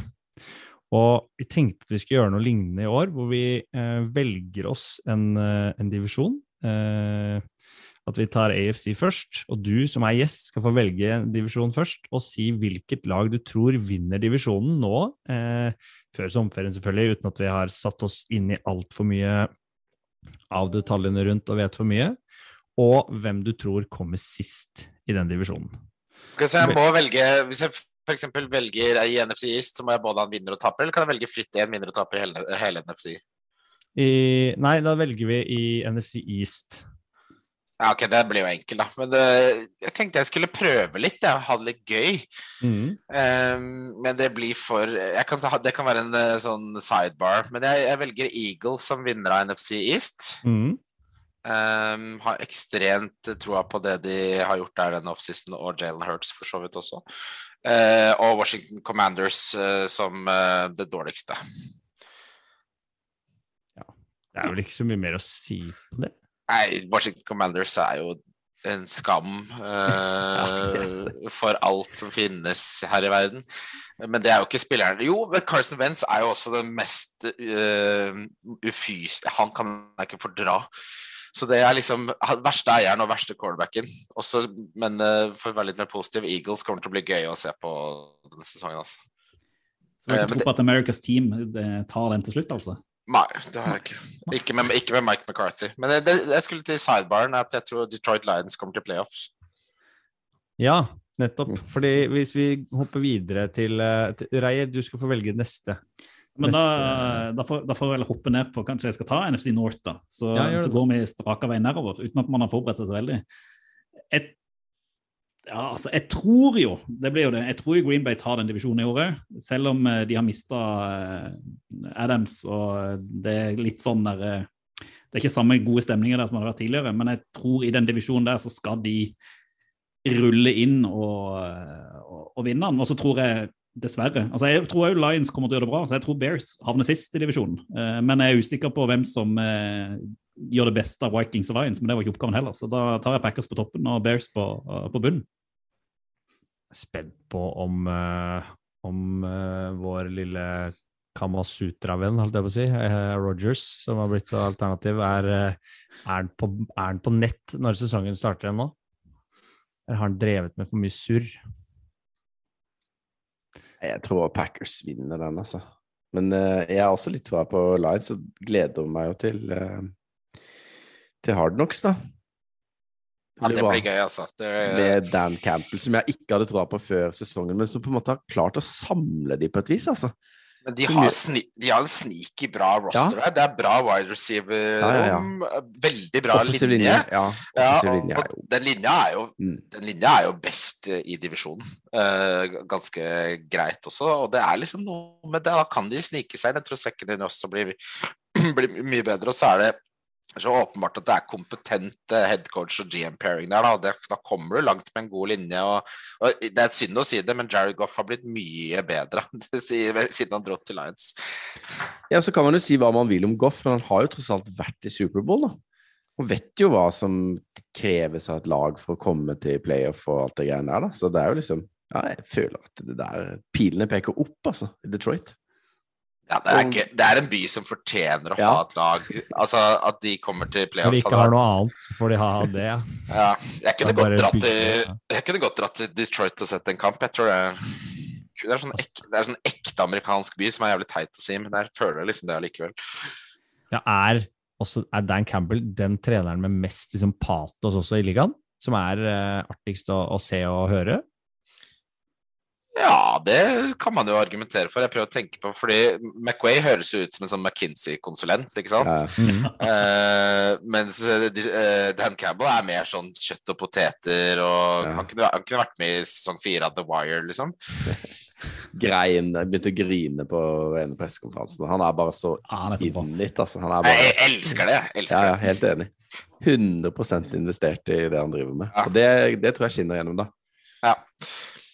Skal, skal, du gå neste, da, Stian? Jeg går neste. Kenneth er sist, selvfølgelig. Ja. uh, så jeg går for uh, West, ja, tenkte jeg skulle gjøre. Og jeg tror, uh, hvis vi tar båndlaget først, så tror jeg Seattle Seahawks med sin quarterback-trio eller duo, eller hva man skal kalle det, de kommer til å få det tøft, ass. De har ikke noe igjen. Stakkars Metcalf og Tally Lockett som skal løpe uten å få ballen. Det blir trått. Og så tror jeg dessverre for uh, mitt 49ers at uh, Rams blir altfor tøffe å slå i år igjen, altså. Jeg tror de fort kan dra seg helt uh, til Superbowl kommende sesong, og har virkelig et lag som Ja, Cooper Cup For en fyr. Jeg har ikke noe mer å si. Jeg tror nesten at Cardinals kommer til å konkurrere med Seahawks som sisteplassen. Frykter sånn total kollaps på det laget. Litt i tvil om hva som skjer med Callum Murray nå, da. Han har jo møtt opp på Jeg tror det løser seg. Det, er, det har vært det er mye Det har tina mye med Altså, de har bare Det er ikke noe vondt blod der, visstnok, men at det var mer sånn Hallo, dere må gi meg den kontrakten. Fordi Eh, hvis ikke så skjer altså var, Jeg har inntrykk av at det var mer en sånn taktisk fra han og agenten, så jeg, jeg, tror det går i orden. Men jeg er helt enig i at det kan implodere. Mm. Men der har man jo litt av samme det fordi det var et hårsbredd unna å implodere da det gikk åt skogen. Unnskyld. Ja. Nei, men Nei, jeg skal- jeg på. Deilig Nei, avbrytelse. eh, nei, nei, men altså, det- startet jo bra, det gjør det alltid i Cliff Kingsbury. Og så, eh, når eh, DeAndre Hopkins blir borte, og så fortsetter de med de samme placene. De, er, de har en god liksom, plan A, men Cliff Kingsbury har ikke hatt en plan B i hele sin karriere. Og det ser man jo også på at de eh, rakner i andre halvdel av sesongene mange stedene han er. Um, og det derre at de gikk fra nærmest uh, sparke alle til at alle fikk ny kontrakt, det høres ut som eh, når forholdet er i ferd med å skrante, og så får man et barn. Eh, det blir ikke bra for noen parter. Så jeg har ikke troa der, altså. Nei, ikke heller. Men det, men det, det jeg skulle komme til med, med Kyler Murray, da. Det er jo litt som vi snakka med quarterbacker i stad, at du her, Har de lyst til å trade ham bort? Har de lyst til å kvitte seg med han egentlig? For det gresset er ikke alltid grønnere på andre sida, da. Og selv om han er om han er i, i midten en plass, så er han kanskje akkurat på plussida da, og såpass god og artig å bruke at uh, det er verdt å holde på han. Han var jo i MVP-diskusjonen de første sju kampene, så det er liksom toppnivået er der. Men så er det det derre litt om man er moden nok, og det har jo blitt stilt spørsmål ved lederevnene hans, blant annet. Mm. Eh, som er litt sånn vanskelig for oss uh, menigmann å si noe om, men han slår altså, Men det er noe med at når du er så god, så det, de lar, det å la han sånn gå, eller trade, blir jo det som er det som har skjedd, da. Men Mm. jeg kan ikke se det helt skje, men jeg tror det er for mye Jeg tror ikke Cliff Kingsbury er en spesielt god uh, headcoach, egentlig. Og så er det jo De gikk jo heavy på veteranimporten forrige sesong. Da. Så de er jo veldig win now-mode. Og dette er spillere som Hvis det butter nå da, i denne sesongen også, så er det ikke mange spillere Det er mange veteraner der som ikke er interessert i å være med på et prosjekt lenger. Så da er det fort uh, da, da har man med, spiller man med en litt annen på en måte, kan kalle det, Da snur det fortere i garderoben også, tror jeg. Ja, godt poeng. Mm. Enig. Kenneth, siste. Eh, ja, da er det jo i South. Jeg tror jo at eh, Tampa vinner den, og så tror jeg nok at Carolina Panthers uh, kommer sist, altså. Fritt fall. Stakkars Matt Rule. Vi var jo Matt Rule, hæ? Vi elska Matt Rule. ass. Den derre signen sign når han ble signert og henta helikopter og alle de videoene og alt det greiene der. Kjøpte det der 100% Det gjorde jeg òg. Det, Altså, det, det gikk til helvete fort, altså. da. ja, og så måten han snakka på Han virka liksom som en sånn eh, ganske sånn jordnær fyr som er glad i å bygge opp ting fra bunnen. Og så har det bare gått så til de grader hos skogen. Og de har fucka det opp så hardt på på, på draft-sida og quarterback-posisjon og Nei, jeg vet ikke, ass. Eh, men, men eh, man- ja. Man så jo det når, når ting begynte å koke litt etter at de Når, når han sparka Joe Brady. Mm. Da bare Å ja, nå har du funnet fram den manualen, da. Ja, ja. Det var ikke mer som skulle til før du fikk det helt. Du fikk hetta, liksom. Det, ja, nei, det var eh, Og Joe det, Brady som var vel på sånn headcoach-intervjuer Ja, ja, ja. Altså, det, det var, virka jo helt sånn Ja, veldig, veldig rart. Så nei. Det, da har jeg faktisk mer troa på på Mariota og Desmond Ridder og det som skjer i det- Falcons. men det slår ikke Selv feil når- jeg har til i agurktid, Kenneth. Så slår det ikke feil når rapportene fra liksom, offseason eller preseason-treningene begynner å komme inn, og nå skinner Sam Darnold. Nå, Ja, ja. nå er han på sitt beste! Ja, for han har ingen press. Han, altså, med en gang han får publikum, så skjelver han vel. Så, Ja. ja. Eller det er ikke lov å ta på hverandre nå, er det ikke Nei. sånn? Reglene sier vel det. Ikke sant. Jepp. Skal vi hoppe til uh, AFC, da? Christian, da skal du få velge først igjen. Deilig. Um, der uh, Jeg skal til AFC South, jeg tenker jeg. Nei, vet du hva? Nei, jeg, jeg tar den beste divisjonen i amerikansk fotball. Jeg tar AFC West, og så uh, tror jeg Chargers vinner den divisjonen. Og Fordi det er favorittlaget ditt. Nei, det er fordi de har Brandon Staley som uh, kommer til å bli sett på som den beste headcoachen i NFL om fem år, tror jeg. Eh, og Justin Herbert, som fort kan være den beste quarterbacken. I tillegg til at de henta altså, når, de henter JC Jackson, Khalil Mack, de har Dervin James. Uh, bra, bra linje har de også. Roshan Slater, som ser ut som en liksom, franchise eh, tackle de neste ti årene. Austin Eckler, Michael Skinner Det laget er eh, så, også så utrolig kule ting eh, de prøver på der. Og der er det også sånn helt um, Du ser så utrolig tydelig hva de prøver å få til, og det han har Så jeg tror det, det blir jo en Det er ikke finner ikke opp håper jeg, hjulet på nytt og sier at det blir en kul divisjon, men uh, den kommer til å bli Alle lagene er forbedret. Men jeg tror jeg skal tror Broncos dessverre ser den Russell Wilson som vi har sett de siste par sesongene. Og det holder ikke i den divisjonen, så jeg tror det blir Chargers, Chiefs, Raiders, Broncos. Nydelig. Eh, det er spennende å se på Chargers, og det blir jo Eller den divisjonen der er jo ja.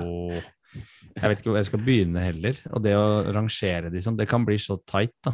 At det er små småting som avgjør. Det er liksom vilt å tenke på at for meg så er den divisjonen sykt spennende, og det minst spennende er, er Kansas. Ja, fordi de begynner jeg å bli litt sånn er litt, litt traust. Ja, ja. og så kvitter de seg med Hill, og så ja. liksom, er det bare på en måte med Holmes igjen. og det, jeg vet ikke, man blir jo litt sånn der, Det er jo sikkert litt sånn med Patriots og de andre som har vært gode lenge, da. At, uh, at det skal litt til for å bli imponert, selv om de er veldig gode. Og så har de andre laga rigga opp så sinnssykt da, på ulike posisjoner at du bare gleder deg så sykt til å se hva som skjer der. da. Så det er jo egentlig veldig spesielt eh, at Kansas er det minst spennende laget i mhm. divisjonen. Selv om de kommer jo sikkert til å være blant de bedre. Jeg tror jeg, jeg, tror jeg er enig i posisjoneringa di, faktisk. Men tror du Kristian, at vi kan se at alle fire lagene greier å gå videre til playoff, selv om den havner i bunnen? Eller tror du det er urealistisk? Ja, ja. ja. Nei, men altså, dette er sånn alle kan gå over 500, på en måte. Og mm. alle, alle, lag burde kanskje Men Broncos er liksom uh, Jeg har troen der på sikt, altså. Uh, men uh, har aldri hatt så tro på Raiders som jeg har før denne sesongen, og det vet vi at egentlig ikke er en smart uh, greie å gjøre. Men jeg tror Josh Daniels uh, Mark 2 uh, eh, kommer til å funke. Det lover bra der, så Jeg føler de ligger liksom kanskje et år foran Brocos, da. Ja, men sånn på ja. Russell Wilson, som du var inne på, så han har jo lagt til seg kanskje noen uvaner. Nå er ikke jeg QB-coach, tror dere det men, men som man trenger å riste av seg litt etter eh, Seahawks-perioden. Han hadde jo en tendens til å gjøre det vanskelig for seg sjøl.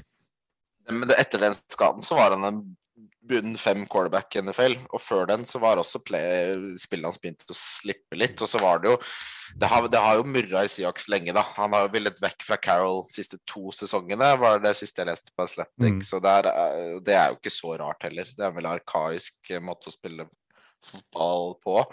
Men eh, jeg tror du har rett, det er noen uvaner, og så tar det litt tid å komme på samme side. Og så er det litt sånn den, På papiret så er wide receiverne til Broncos noen av de beste, Judy og Sutton, men så så vi jo ikke helt det enda, så det er jo fortsatt litt sånn Uh, på papiret enda, ikke i produksjon. Uh, så det blir spennende å se. Så er jo hele organisasjonen i Broncos er jo ganske ny. Altså Nå fikk du til og med nye eiere, ny head coach, relativt ny GM, helt ny quarterback. Altså, det skal litt til at liksom alt skal lykkes første sesong. Nettopp. Det var det, det, var det som skjedde med Chargers nå. At uh, de, nest, de, var veldig nesten på mange ja. ting. Og det, å ha den erfaringen med seg tror jeg gjør at de kommer til å håndtere det enda mye bedre nå denne sesongen. Vi hopper til deg, Geir? Ja, jeg er jo sørlending, så da må jeg jo til South, tenker jeg her. Det er enkelt og greit. Eh, og jeg synes, altså, Det er jo ikke verdens mest spennende divisjon, NFL sin, kanskje den kjedeligste divisjonen i NFL, nesten. Eh, men jeg tror jo, eh, siden du nevnte sa Christian, Colts greide å kvitte seg med Wentz og til og med få noe tilbake fra det, Eh, og få inn en, i fall en stabil en eh, på quarterback, da, så tror jeg Frank Reich og, og Colts eh, tar den divisjonen eh, i kamp mot, eh, mot Titans. Eh, apropos, Mike Vrabel blir jo intervjua i en av de episodene med Tom Brady som tight end. Tom Brady, han han fremstår jo ikke noe som en fest, men han fremstår som en ganske mann som veit hvordan du får ting gjort. Einhard type, da. Eh, ja, Og så voldsomt. Og òg den som har mest Den som eh, etter historien var den som prata mest dritt til Tom Brady i hans periode i Patriots, det var Mike Rabel på trening. Så eh, jeg skjønner jo hvorfor han får ting til i Tennessee hvis han kommer fra den Belichick-fotballen.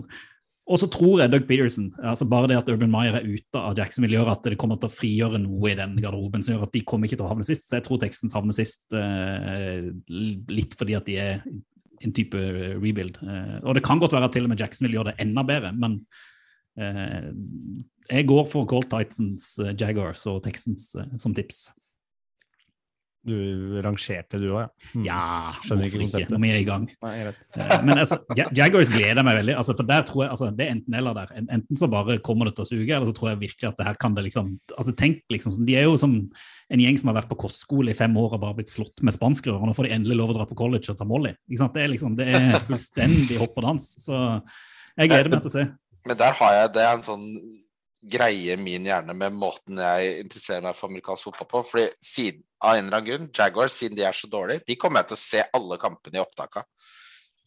For jeg vil se Trevor Lawrence, jeg vil se Trayvon Walker. Jeg, kommer til, Mm. jeg skal se LaVisca Chenault. Kan det, kan det snu for unge LaVisca? Nå har det jo gått åt skogen.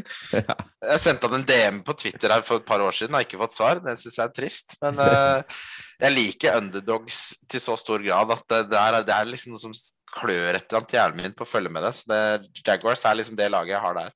Jeg vil jo si at NFL generelt eh, de, de er så gode på, på hype, da, og offseason er så sjukt lang at du får jo Du har lyst til å se alt som skjer, ikke sant? Week one. Bare sånn, jeg gleder meg til å se Davis Mills nå, ikke sant? Jeg Hva òg! kan han gjøre i sesong to, ikke sant?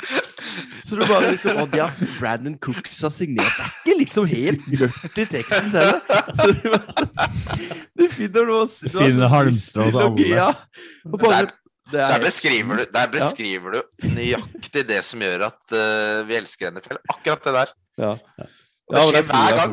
Ja, Det skjer er hver også gang, altså. jeg er så gira nå. At, og det er jo lenge, ennå er det lenge til. Jeg bare Å, herregud, som jeg gleder meg når vi begynner å gå gjennom hvert lag. Så finner vi en eller annen Men jeg, jeg tok meg selv i å tenke det, faktisk. At jeg er, jeg er jo så glad i sommeren. Og så, når liksom, så er det sånn, når det kommer september-oktober, så er det sånn åh, nå er det norsk vinter liksom i et Mm. halvt år. Men så kommer jeg på Men da er det jo NFL. Det Mm. går fint, det. Det holder, det. Få meg gjennom vintertida. Ja, ja, ja. Definitivt. Mørketida. Eh, 40-årsgaven din kommer nå, Kenneth. Du skal få velge før meg. Skal jeg det? Ja. Ja, da velger jeg North. Greit. Eh, og da eh, tror jeg at Browns kommer sist. Eh, og så tror jeg at Ravens kommer først. Bra du har skjønt konseptet. Strålende. Eh, og så tenker jeg at eh, Browns eh, kommer jo ikke til å spille med Deshaun Watson. De har jo en bra roster, men eh, Men jeg tror ikke liksom Jacobi Brissett Er det noen som ikke har lagt det laget for hat nå? Jeg vet ikke, altså. Det er noe med må det, er, altså det som provoserer Jeg hadde jo en periode med, akkurat som med Jaguars, ikke sant, at jeg likte de fordi de var så dårlige. Ja, ja. Men, men sånn den der arrogante måten de nærmest Altså når, når de blir stilt kritiske spørsmål om Deshaun Watson, og de bare Nei, vi har gjort våre undersøkelser, og vi syns egentlig det er greit. Så er det bare sånn Det er ikke dere som bestemmer det. Nå må dere Hva faen er det dere tror dere er, egentlig? Eh, og så det alene gjør litt sånn at jeg eh, ikke klarer å ta de på alvor, jeg- holdt jeg på å si. Hvordan kan man gjøre det? Jeg har ikke lyst til å se på det heller. Jeg har lyst Nei, til å nei. fjerne de fra det er det, jeg- jeg kommer ikke til å følge med på det, jeg kommer bare til å ignorere det, egentlig. Mm. Det er jo- De, sånn Apropos det vi snakka om i stad. Det er jo De har til og med klart å fucke opp det, liksom. Altså, du har ikke lyst til å se det engang. Eh, det, er, det er helt utrolig hvordan de har håndtert den situasjonen her. Og det er bare Jo mer som kommer frem av Deshaun-greiene, så, så jo mer skjønner man Eller jo, mer, jo mindre skjønner man av det de har gjort, og jo mer eh, bør det jo gå opp for de hvor mye de har fucka det opp, liksom. For seg sjøl. Mm. Altså Den Eh, kontrakten òg, i tillegg. Bare ja, sånn for å toppe noe. Ja. Det, det er så rart, fordi det, altså, han, Andrew Berry, han GM-en der, er, virker som en veldig Ja. smart fyr. Enig. Eh, og Kevin Stefanski virker også Men kanskje det er litt som sånn at på et eller annet tidspunkt så blir uh, Så verdsetter de tallene så mye at de glemmer det menneskelige element. da. Mm. Uh, og det virker som det er det som kan ha skjedd der, at de har undervurdert altså, at, hvor, hvor mye det betyr for, for folk. Det er mange som bare har vært Browns-fans i 40 år som bare Nei, aldri igjen. Mm. Mm. Ja, det er helt forferdelig. Og, og- selger jo sjela si. Det er jo helt hårreisende. hvordan Men altså, han kommer jo ikke til det, altså, Han kommer til å bli suspendert lenge, og nå blir Mm. det jo verre og verre. Nå kommer det nye og nye ting. Altså, Det er jo veldig sannsynlig at han kanskje ikke spiller på to år, da. Ja, ja. Jeg, jeg tror det kan bli så lenge, altså. Ja. Eh, og, og Godell og de som skal håndtere dette her, altså de, de er under loopen, altså. De kan ikke liksom fem kamper eller sju kamper altså, det, nytt, det kommer ikke til å nytte. Ja, men, hvordan skal, de, hvordan skal de bestemme en eh, lengde på en suspensjon når det kommer nye saker hele hver uke? Ja, ja. Når du, gir du en suspensjon, da, så om to uker så kommer det en verre sak. Skal de legge, skal de legge på en ny en, da? Ja, Jeg skjønner, ikke. Og så har du argumentasjon fra andre siden om at nei, han ble jo frikjent i grand jury-saken. da. Men, men samtidig, så kan, når det kommer nye ting, så er det ikke sånn Han er ikke, han er ikke fri for alltid. Hvis det kommer fram ting som Mm. en annen uh, vurderer som så alvorlig at han kan bli indicta, så det er ikke som om han er home free. Det kan godt hende at, han, at han, det blir kriminelt igjen, liksom. Det kommer jo Mm. Så ja, nei. Det er en clusterfuck. Ja, ja. Som de har satt seg sjøl i, da. Browns. Ja. Eh, men eh, jeg tror Ravens vinner. Et, de hadde jo en sesong i fjor som var sånn Jeg hørte på, på en av de andre Jeg tror det var kanskje en av The Ringer eller noe sånt. Det var i hvert fall de har hatt en den sesongen i fjor var helt sånn Hadde aldri skjedd før. At et lag hadde vært så uheldig med skader. Mm. Ehm, eh, så, og de har jo på en måte systemet i orden, hovedtreneren, organisasjonen. De er gode til å drafte, de på en måte har en av de beste quarterbackene i ligaen. Eh, så er jo Bengals og De var jo ikke til Superbowl i fjor, men jeg føler liksom at Ravens eh, Ja, det er, de, det er tiden. Jeg er enig der. Jeg tror Bengals får, eh, får en korreksjon. De vant jo Det var mye momentum på slutten der, som jeg ikke er så tilhenger av det eh, i det store og hele. Så Mm. Det blir kul divisjon der òg, hvis vi ser bort fra Browns, da. Jeg tror Mm. Steelers også kommer til å være bedre. folk sneket seg under lupen nå i draft-perioden, og hva de har henta i eh, av nysigneringer og sånn. Jeg tror Steelers de er så god organisasjon, de òg. De kommer alltid til å være med og, og slåss. En klassiker. Da velger jeg til slutt, da. Da velger jeg East, jeg. Og eh, Det er bra. Det er godt, det er godt at du valgte den. Godt valg. Ja. Applaus. Tusen takk. Eh, jeg har eh, Altså, han niåringen har blitt helt solgt på, på Bone Madden. Han spiller bare med Bills. Så jeg har lovt deg nå at når sesongen begynner, så må vi liksom sitte og se de på mandager. Så må vi se Bills-kampene. Altså gøy. Det er vi nødt til å gjøre. Og eh, bare av den grunn så skal jeg tippe Bills eh, øverst. Fordi altså, det er jo ikke bare det, de er jo et fantastisk godt lag. De har jo kanskje ligaens beste eh, quarterback, og det, det de bidrar med offensivt, og ikke minst forsvars... Også forsvarsrekka. Michael Hyde og gjengen der. Jeg ble blåst uh, omtrent ut av sofaen jeg, da jeg satt og så et par av de kampene de spilte i fjor. Så jeg tror de, de kommer til å vinne den divisjonen. Og så tror jeg faktisk at Patriots havner sist. Oi. Da er Belichick ferdig. Etter å ha sett Man in the Arena, så kan Jeg jeg, tror, jeg, aldri tro på det. jeg tror Jets, nå, jeg tror. Jets nå er uh, på vei opp. Litt som Detroit, kanskje hakket under, men jeg tror ikke de havner sist. Nei, men altså, hvis Matt Patricia caller play, så hvis ikke han bruker den blyanten til noe praktisk snart på den sidelinja, så kommer jeg til å boikotte Patriots. For en posør! Mm. Bruk den, da! Ja, jeg, jeg hørte jo litt rykte om at uh, Belichick skulle eh, call a place, da. Så det er jo litt funny det som skjer oppe i New England. De bare, han, Belichick bare driter i det, liksom. Litt så To kaotisk. Det blir zero blitz på offense, det. Det, er, det, blir, sånn. blir offensiv blitz.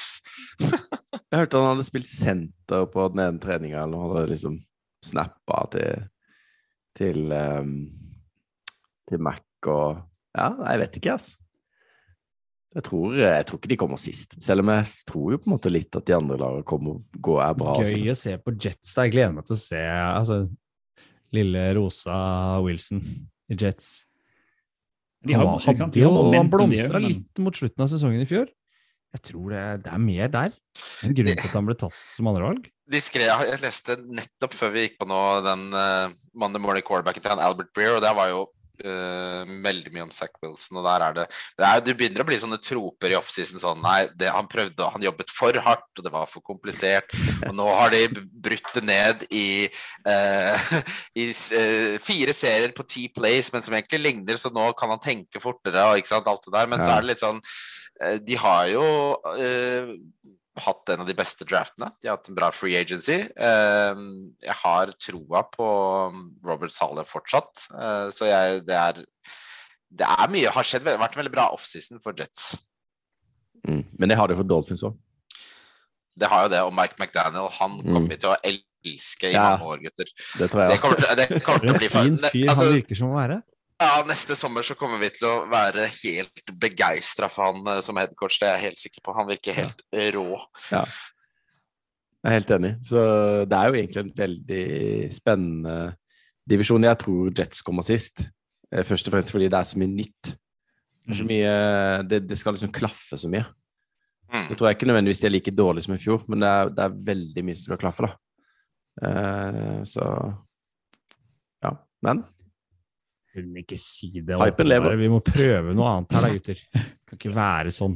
Dette har er Tua drakt? Ja, du har, har det. Ja. Og han får litt mer å kaste til. da. Vinn eller forsvinn. og Dette er året til Tua. Ja, virkelig. Det er enten eller. Jeg tror det ikke er året til Tua. Jeg tror han er ferdig.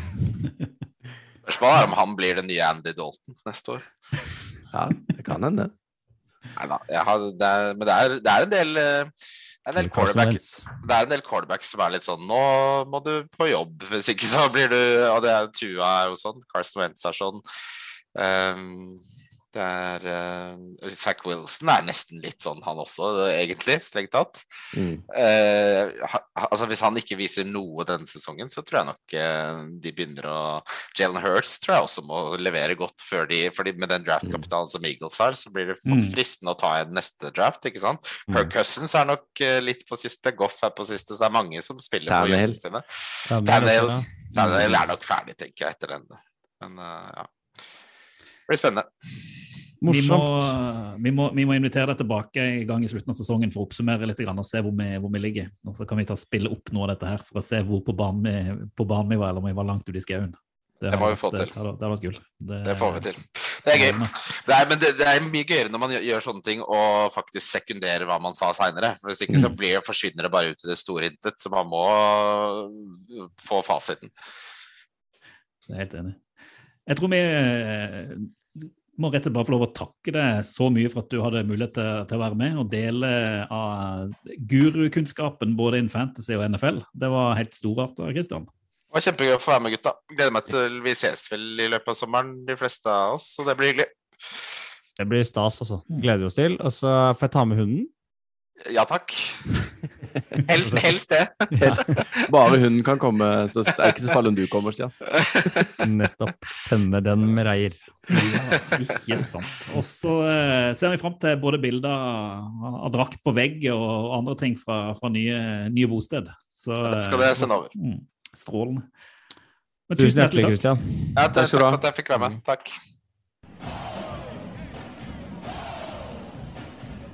Ovalbanen. Fotball til folket. Åh, nå koste jeg meg så fælt med praten med Christian at uh, det er perfekt uh, å ta sommerferie nå. Og den sommerferien skal vi starte hos deg, Kenneth. Det blir så stas.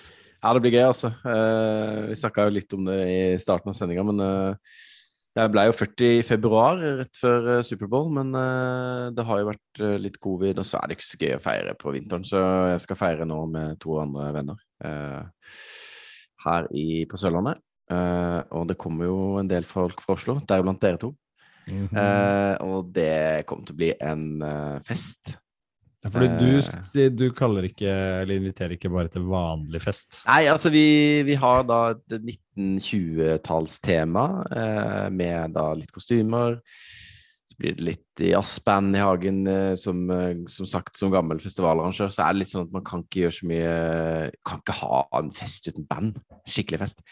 Eh, og så blir det litt mat, og så blir det litt drikke og mingling og Ja, det blir eh, dødsfett. Hvorfor 20-30-tallstema? Du mener 1920-tall? Mhm. Nei, jeg vet ikke. Det bare blei sånn. Husker, kan ikke helt huske hvorfor vi landa på det, men Tenk Det er lov å, vi skal få lov Men å eh, se er jo. Tuastua in real life. skal vi få se, så du sitter hver gang. Det blir Ja, ja, ja. det blir Sove stas. der. Ja, vi Vi kan ta, vi kan ta frokosten i Tuastua. dagen etterpå. det blir, det blir nydelig. med drakt. Og så tror jeg Vi kommer til å plage, vi skal jo kjøre ned fra, fra Oslo med Stian, så skal vi med et par andre i den bilen. og De tror jeg kommer til å få hodet sitt fylt av NFL-prat. og Jeg vet ikke Ja. hvor glade de blir for det, men det får de bare tåle. tenker jeg. Det er jo mulighet for å prate. NFL i fem timer i strekk. Han ene er mottakelig, han andre er ganske Helt nedstengt. Det blir fint, det. Kanskje han må sitte på med noen andre. Ja, det er sant. Det får bli. Men det her var jo en strålende avslutning eh, før vi tar ferie. Eh, Helt nydelig. Ja, Helt fantastisk. Vesselasse. Mm. Så et, vi må ønske alle der ute en riktig god sommer. Vi kommer, eh, om ikke sterkere tilbake, så er vi iallfall tilbake i august. og eh, Ja, I hvert fall Ja. to av tre, tenker jeg. Iallfall to av tre. Det får være seks- 66 får vi forholde i løpet av høstsesongen. Så får vi se om vi greier å være 100% noen ganger. Ja, det gjør vi, vet du. Vi gjør det. På Vi gjør det. Karlsen. Ja, ja, ja. Riktig god sommer til alle der ute. Til dere sier det face to face når vi møtes eh, til helga. Eh, og eh, football. Til folket. Football til folket. Football til folket. Do the Titans have a miracle left in them in what has been a magical season to this point? If they do, they need it now. Christie kicks it high and short. Going to be fielded by Lorenzo Neal at the 25. Yeah, it Pitches to- it, back to Wycheck. He throws it across the field to Dyson. He's got something. 30, He's got something. 50. He's got it. 40, He's got it. 20, 10. He's got it. End zone. Touchdown Titans. There are no flags on the field. It's a miracle. Tennessee has pulled a miracle.